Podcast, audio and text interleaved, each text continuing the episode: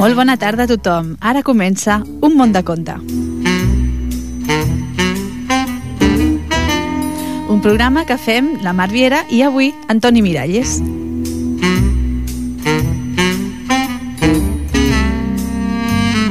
Benvinguts, com us deia, un dimecres més al 91.3 de la FM, a l'emissora municipal, a Ripollet Ràdio.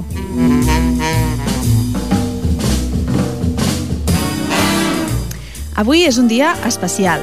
I per què és un dia especial? Doncs perquè és 29 de febrer. I a més a més, això només passa cada 4 anys, o sigui, només cada 4 anys tenim un 29 de febrer. Per tant, doncs podem dir que avui és un dia d'aquells que no tornarem a tenir fins d'aquí a 4 anys, però no és veritat. No és veritat perquè sabeu que l'Un Bon de Conte el tenim cada setmana amb nosaltres i per tant cada dimecres ens tornem a trobar i ens tornem a escoltar.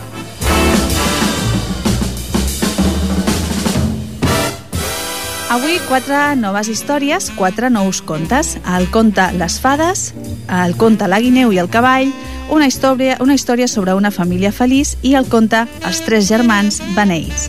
I a la part musical, amb Phil Collins. Moltes vegades al programa hem parlat de la importància d'escoltar contes, d'explicar-los, per què és important doncs, que llegim contes. Doncs bé, no és pas una casualitat que tots els nens i nenes mostrin un gran interès pels contes. Per ells, l'hora del conte representa una estona de tendresa, de plaer i de rebre coneixements. S'esdevenen tantes coses en els contes de vegades pot semblar que contenen massa violència o de vegades situacions absurdes, però aquesta és una opinió del segle XX, una opinió antiga. Abans eh, es consideraven els contes com el fonament de l'educació moral. Avui en dia, els psicòlegs afirmen que els contes ajuden els infants a resoldre conflictes afectius. Si se sent poc estimat, com la neguet lleig, doncs el conte el consolarà en fer-li veure que, finalment, trobarà algú que, que l'estimarà. Agafarà confiança en si mateix en veure que dos personatges o un animalet, eh, doncs, bueno, malgrat la seva feblesa, arriben a vèncer la bruixa o el llop. Alguns pares s'estimarien més passar per alt aquests personatges perquè, segons ells, fan por a la canalla. De fet, però, aquests personatges són de gran utilitat. Proporcionen un rostre definit a l'angoixa que de vegades doncs, tenen els nens i les nenes. Com batejaríem la por a ser abandonats o la de no ser estimats? És una por gairebé impossible d'expressar i d'aquí ve l'angoixa. El llop apareix just en el moment precís per permetre exterioritzar aquesta angoixa. I és clar que els nens i les nenes li tenen por, però aquesta raó, el llop morirà de 100 maneres diferents. Cremat, ofegat, bullit en una olla, amb la panxa plena de pedres... Però quan tot ja ha acabat, l'infant se sent alleugerit. Per què el llop ha mort? Doncs no, més aviat perquè totes aquestes maquinacions proven al nen que l'adult vetlla per ell, que el protegeix dels perills i, en una paraula, doncs, que l'estima, que els nens i les nenes doncs, són estimats. Per això és molt important explicar contes als nens i a les nenes, ja sigui abans d'anar a dormir o per passar una, una estona junts, amb el berenar... Doncs, bueno, jo des d'aquí us recomano que expliqueu contes, eh, que els, els llegiu, que els inventeu, com sigui, però que eh, doncs, bueno, feu, feu aquest exercici amb amb la canalla. Comencem, doncs, amb les històries d'avui. Si us sembla, comencem amb aquest conte que es titula Les fades.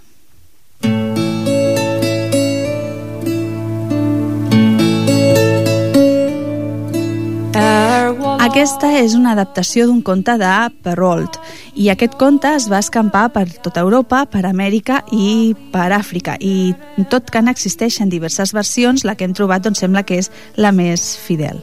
Les heroïnes són dues germanes, una de lletja i dolenta i una de bonica i bona. Diu així. Vet aquí una vegada una vídua que tenia dues filles. La més gran se li assemblava tant, de cara i de caràcter, que quan la veies semblava que veiessis la mare. Eren mesquines, desagradables i orgulloses, tant l'una com l'altra.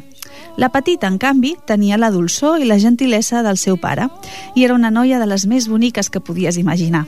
Com que tothom se l'estimava molt, la mare tenia una preferència exagerada per la seva filla gran, mentre no parava d'escridassar la petita, la qual detestava. La feia menjar a la cuina i treballar sense repòs. A més a més d'altres feines, la pobra noia havia de fer dos quilòmetres dos cops cada dia per anar a buscar aigua. Un dia, mentre era a la font, va veure venir una velleta que li va demanar que li donés aigua. De seguida, senyora, va respondre. Va esbaldir el càntir i va acuitar a treure aigua del lloc més bonic de la font i la hi va oferir, mentre aguantava el recipient perquè la dona pogués veure amb més facilitat. Quan va haver calmat la set, la dona va dir a la noia «Ets tan bonica i tan bona que no em vull estar d'oferir-te un do». La vella en realitat era una fada que s'havia transformat en una pagesa pobra per veure fins on arribava la gentilesa de la noia. Vet aquí el do que t'ofereixo, va continuar la fada. Cada vegada que diràs una paraula et sortirà de la boca o bé una flor o bé una pedra preciosa. Quan la noia arriba a casa, la seva mare la va renyar perquè arribava tan tard de la font. Us demano perdó, mare, va dir. Per què he trigat tant a tornar? I mentre pronunciava aquestes paraules, quatre roses, quatre perles i dos diamants van sortir de la seva boca. Però què és això? va dir la mare tota parada. D'on surten aquestes perles i aquests diamants? Què ha passat, filla meva? Era la primera vegada que l'anomenava filla. La noia li ho va explicar tot. I a mesura que parlava, una infinitat de diamants, de violetes i de maragdes queien de la seva boca. Evidentment, va dir la mare, i he d'enviar la meva filla gran. Mira, Fanchon, que surt de la boca de la teva germana quan parla. No t'agradaria tenir el mateix do? L'única cosa que has de fer és anar a buscar aigua a la font i quan una velleta, et demani per veure, oferir-li el càntir. No et deus pas pensar que aniré a la font, va replicar la noia gran, però la seva mare va insistir. Vull que hi vagis i de seguida. I va anar, però rondinant sense parar, i es va endur el flascó d'argent més bonic de casa. Tan bon punt va arribar a la font, va veure que sortia del bosc una dama molt elegant que li va demanar aigua per beure. Era la mateixa fada que s'havia aparegut a la seva germana, però que s'havia convertit en una princesa per veure fins on arribava la maldat de la jove. No us deveu pas pensar que sóc aquí per donar-vos aigua. Us podeu ben bé servir vos mateixes, si teniu set. Mireu, allà hi ha un potet. No ets gaire amable, li va contestar la fada sense perdre la calma. Doncs bé, ja que ets tan poc servicial, et concedeixo un do. Cada vegada que diràs una paraula, et sortirà de la boca o bé una serp o bé un gripau. Quan la seva mare va veure la noia gran va cridar «I què, filla meva?» «Bé, mare», va contestar la noia, mentre llançava un escurçó i un gripau. «Però què ha passat?», va cridar la mare esgarrifada. «Què ha passat? Oh, segur que la culpa és de la teva germana. Me les pagarà» i va arrencar a córrer amb la intenció de pagar la noia més jove. La pobra noia va fugir i va anar a refugiar-se al bosc que hi havia al costat. El fill del rei, que passava per allà perquè tornava de cacera, la va trobar i quan la va veure tan bonica li va preguntar què hi feia tota sola al bosc i plorant d'aquella manera. «Oh, senyor, la meva mare m'ha tret de casa». El fill del rei, quan va veure que de la boca li, li sortien perles i diamants, li va demanar que li expliqués d'on li venia això. La noia li va explicar tota la seva aventura i el fill del rei se'n va enamorar.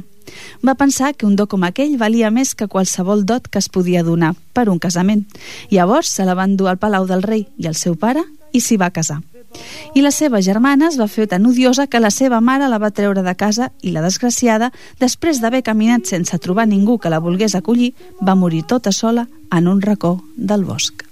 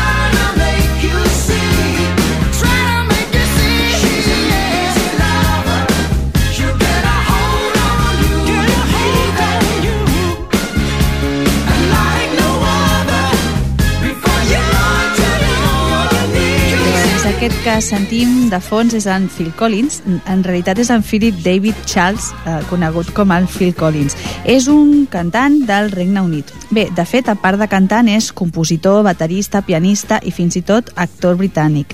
I això doncs l'ha fet que sigui un dels personatges més actius i de major èxit de la música rock. Continuem doncs amb l'Un món de conte i continuem doncs amb la segona història que portàvem per avui.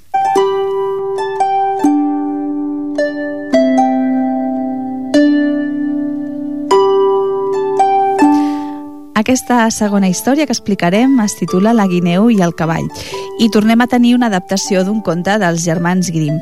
En aquesta ocasió tenim un personatge que és la guineu, que és astut com pocs i que també és capaç de vegades de mostrar-se solidari amb els altres animals. Diu així.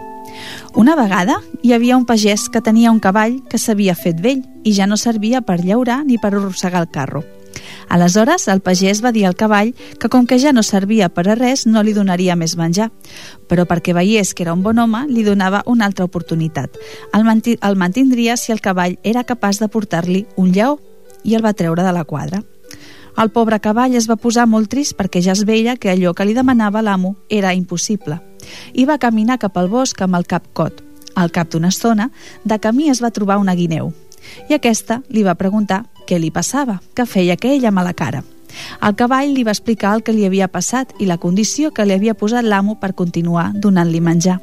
Aleshores, la guineu es va compadir del cavall i li va dir que si ell volia, ella l'ajudaria. No cal dir que el cavall hi va estar d'acord de seguida. Aleshores, la guineu li va dir que s'estirés ben llarg a terra, com si fos mort, i que no es bellugués gens, passés el que passés, fins que ella no li ho digués. El cavall es va estirar a terra, va tancar els ulls i es va esperar. Aleshores, la guineu se'n va anar a buscar el lleó, que no vivia gaire lluny d'aquell indret, i li va dir que havia trobat un cavall mort molt a, molt a prop d'allà i que li venia a dir per si volia tipar-se. El lleó, que com sempre tenia un budell buit, es va llapar els bigotis i va seguir la guineu fins al cavall. Però quan el lleó ja tenia la boca oberta i plena de salivera, la guineu li va proposar que en comptes de menjar-se el cavall allà mateix, que se l'emportés al seu cau, on se'l podria menjar amb més tranquil·litat, i que ella, per ajudar-lo, ja li lligaria el cavall a la cua perquè pogués arrossegar-lo. Al lleó li va semblar que la guineu havia tingut una bona idea i s'hi va posar bé perquè ella li lligués el cavall a la cua. La guineu va començar per lligar una corda a la cua del cavall, però en acabat, en comptes de lligar l'altre cap de corda a la cua del lleó, el que va fer va ser començar a fer voltes al seu voltant fins lligar-li les potes amb tanta força que el lleó, per més que ho va intentar, no va poder-se de, no va poder desfer-se'n. En acabat, va dir al cavall que ja podia portar el lleó a casa del seu amo, i el cavall va alçar-se i va arrencar a córrer tot, tot arrossegant el lleó, que encara no comprenia què era el que havia passat. Quan l'amo va veure arribar el cavall arrossegant un lleó, se'n feia creus, però com que havia donat la seva paraula, que donaria a menjar al cavall si li portava un lleó, no li va quedar altre remei que alimentar-lo bé fins que es va morir.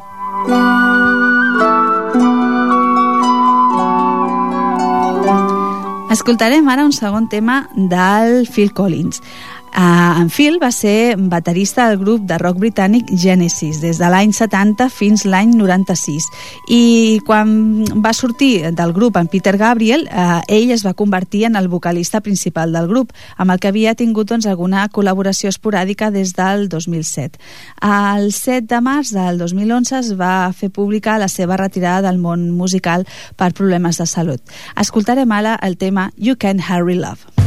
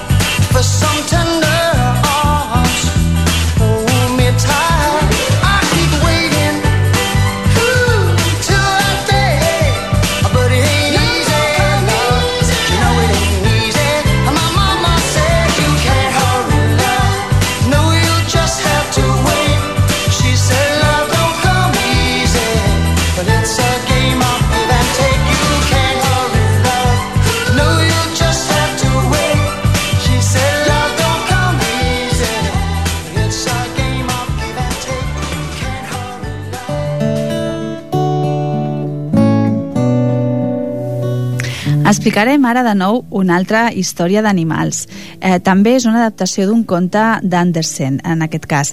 I l'originalitat d'aquest conte rau sobretot en el fet que posa en escena uns animalons que doncs, a mi em fa molta gràcia, són els cargols.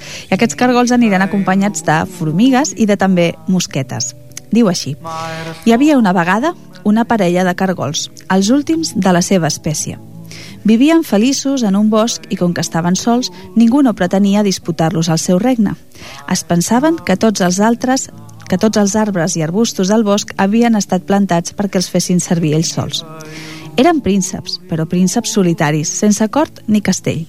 Com que no tenien fills, havien adoptat un cargolet que pujava com si fos el seu propi fill. El petit no creixia gaire perquè era d'una espècie molt corrent, però era l'alegria dels seus pares. Un dia es va posar a ploure a bots i barrals. Escolteu com ressonen les gotes damunt les fulles, va dir el pare. Sí, ho travessen tot, va afegir la mare, i regalimen per les tiges. Tot quedarà marat. Quina sort tenir cadascú una casa que ens protegeix i ens aixopluga. Ens adonem que som els amos del món. La natura ha fet més per nosaltres que per les altres espècies. És veritat, va provar el seu marit. En cap lloc estaríem millor que aquí, voltats de fulles delicioses i d'herba tendra. No podem desitjar res més i som els més feliços del món. De totes maneres, al cap d'un temps, els pares cargols tenien un motiu de preocupació. Com trobarien una dona pel seu fill?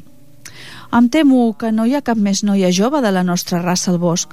Llavors, qui triem? es preguntava el pare. La mare va reflexionar mentre treia les banyes.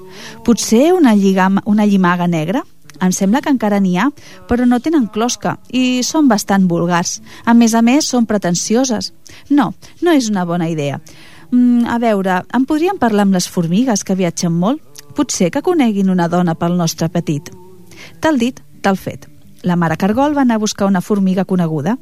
Conec la més vella de les núvies, va declarar la formiga, però no sé si us agradarà. I per què no? va dir el pare. Té casa? Molt millor, un castell de formigues immens, amb 900 passadissos. El nostre fill no pot pas anar a viure en un formiguer, va tallar la mare tota seca. Si no teniu res millor per oferir-nos, en dirigirem a les mosques. Volen per tot arreu i coneixen tots els racons i raconets del bosc. Segurament ens podran aconsellar bé. Tal dit, tal fet. La mare Cargol va fer venir tota una esquadra de mosques. Oh, sí, coneixem una dona per al vostre cargolet, van dir les mosques. És una noieta cargol que viu damunt d'una jardera, a 10 minuts de vol d'aquí. És òrfana i té totes les qualitats. Que vingui, estic segur que agradarà al nostre fill, va dir el pare. Llavors les mosques se'n van anar a buscar la noieta. Li van caler 10 dies per arribar prova que era de la més pura nissaga. Els dos joves es van enamorar de seguida l'un de l'altre i les noces es van celebrar al cap de poc. Les abelles hi van portar l'aixovar, les cuques de llum es van encarregar de la il·luminació i les formigues van ser les dames d'honor. Va esclatar una tempesta i la pluja que batia damunt les fulles feia un concert, un concert meravellós. La jove parella va regnar al bosc, van tenir molts fills i van ser tan feliços com ho havien estat els seus pares.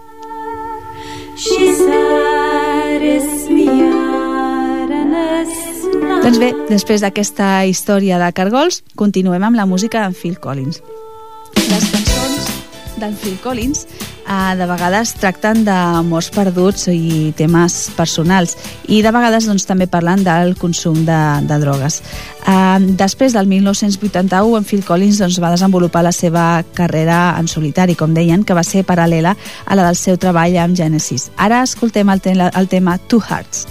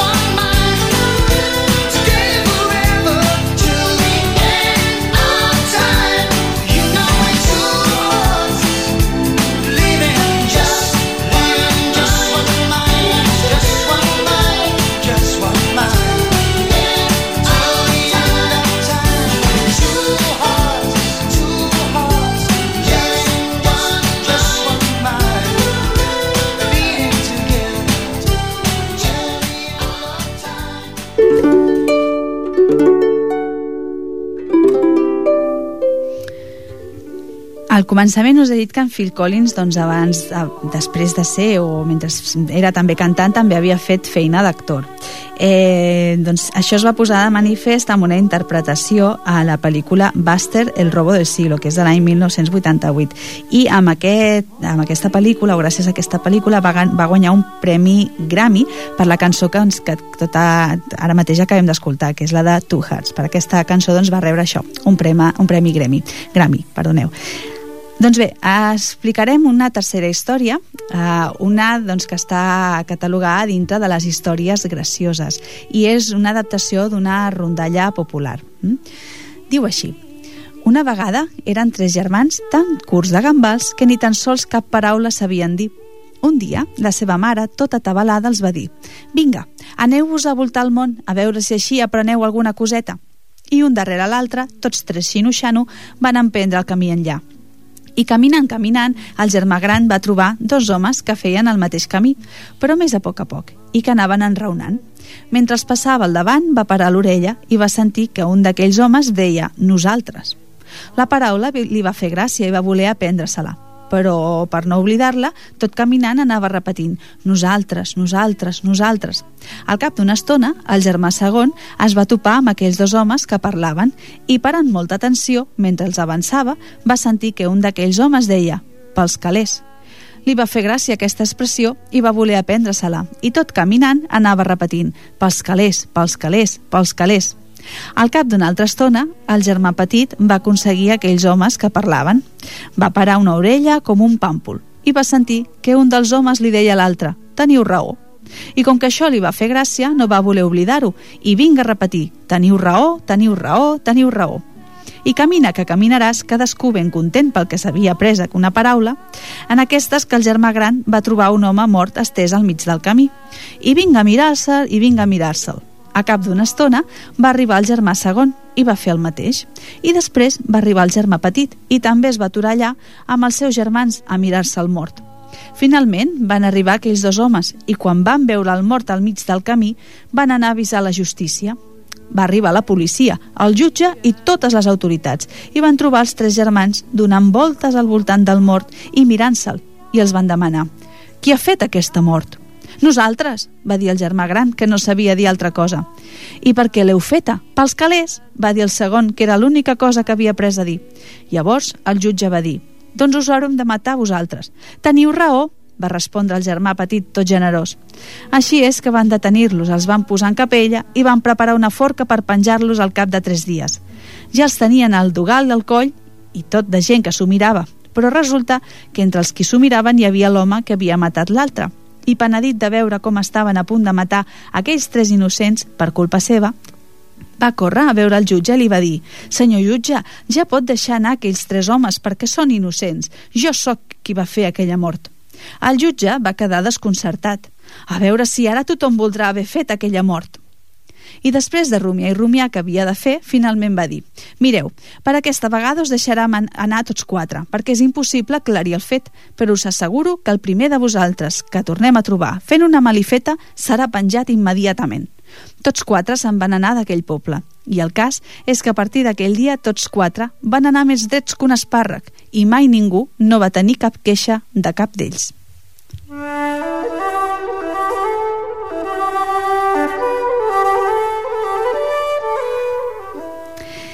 Doncs eh, posteriorment, el Phil Collins va centrar la seva activitat creativa en la composició de bandes sonores, com la de la pel·lícula Tarzan, que va ser el 1999, i amb la qual va guanyar un premi Oscar i un Globus d'Or, amb el you, Be, you Will Be My Heart, que és la, el títol de la cançó que va guanyar el premi a la millor cançó original, i també amb la de Tierra de Osos, de l'any 2003, i totes dues pel·lícules doncs, va ser, van ser produïdes per Disney. Si us sembla, ara escoltarem el, ten el tema Dance into the Light. coming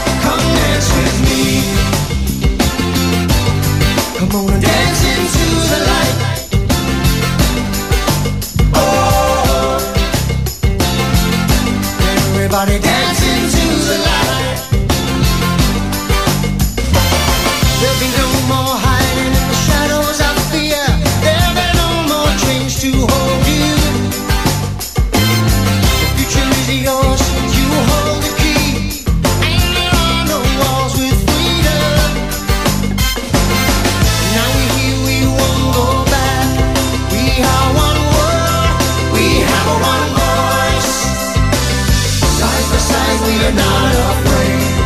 Because the train is coming to carry you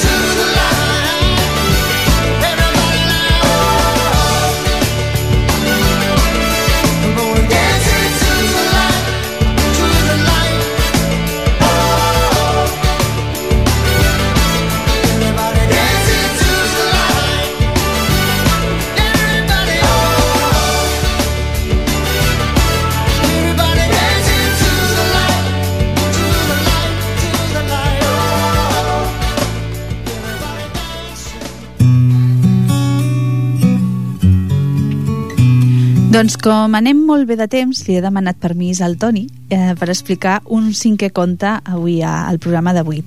I és un, cort, un conte molt curtet que, a més a més, és una adaptació d'una història índia. Es titula El lleó i la llebre vella. Hi havia una vegada un lleó molt dolent que vivia a l'estepa. Tots els animals li tenien molta por perquè se'ls menjaven l'un darrere l'altre, fins que va arribar un dia que els animals que quedaven li van proposar un pacte. El lleó, que sempre estava afamat, es conformaria amb un animal per dia. Per contra, la víctima se li presentaria cada matí per evitar que ell hagués d'anar a caçar. El lleó va acceptar de bon grat aquest tracte. I així va ser durant un cert temps, fins que un dia li va tocar el torn a una llebre vella i molt espavilada. Tal com era costum, de bon matí va anar a veure el lleó i va arribar-hi esbufegant com si estigués molt i molt cansada. Hola! Oh, com he corregut! M'ha perseguit un lleó. Sort que tinc les potes llargues, si no, hauria fet la fi d'en Cagalestec. Què dius ara? Un altre lleó? va cridar aquell animal ferotge molt enrabiat. No és possible. O sigui que tinc un rival que caça dins el meu territori. Ah, això no quedarà així. On és? On és? A prop de l'estany, va contestar la llebre. És molt gran, molt fort i més jove i més valent que tu. No té? No te'n fis. Jo no tinc por de res ni de ningú. Més fort que jo? Això ja ho veurem. Acompanya-m'hi. El rei dels animals, amb la seva crinera majestuosa, va seguir la llebre fins la vora de l'aigua. Es va abocar a l'estany i, naturalment, va veure un altre lleó.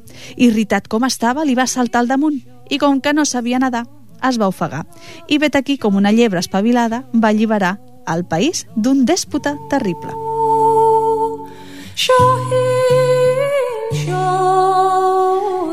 Escoltem ara un altre tema, també doncs, molt conegut al Phil Collins. Jo potser m'atreviria a dir que és el més conegut. Uh, tot i que és un tema doncs, amb una lletra una miqueta trista, crec que doncs, és una de les millors que ha fet aquest artista. És la que es titula Another Day in Paradise.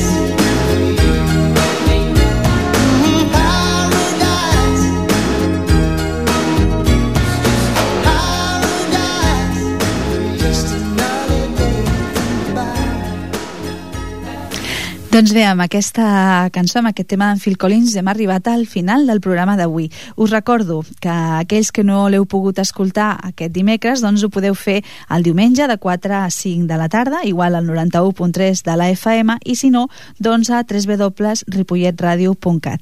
Us deixarem amb un darrer tema d'en Phil Collins, un que també va fer famós la Cindy Lauper, i també un dels més coneguts. És el que es titula True Colors.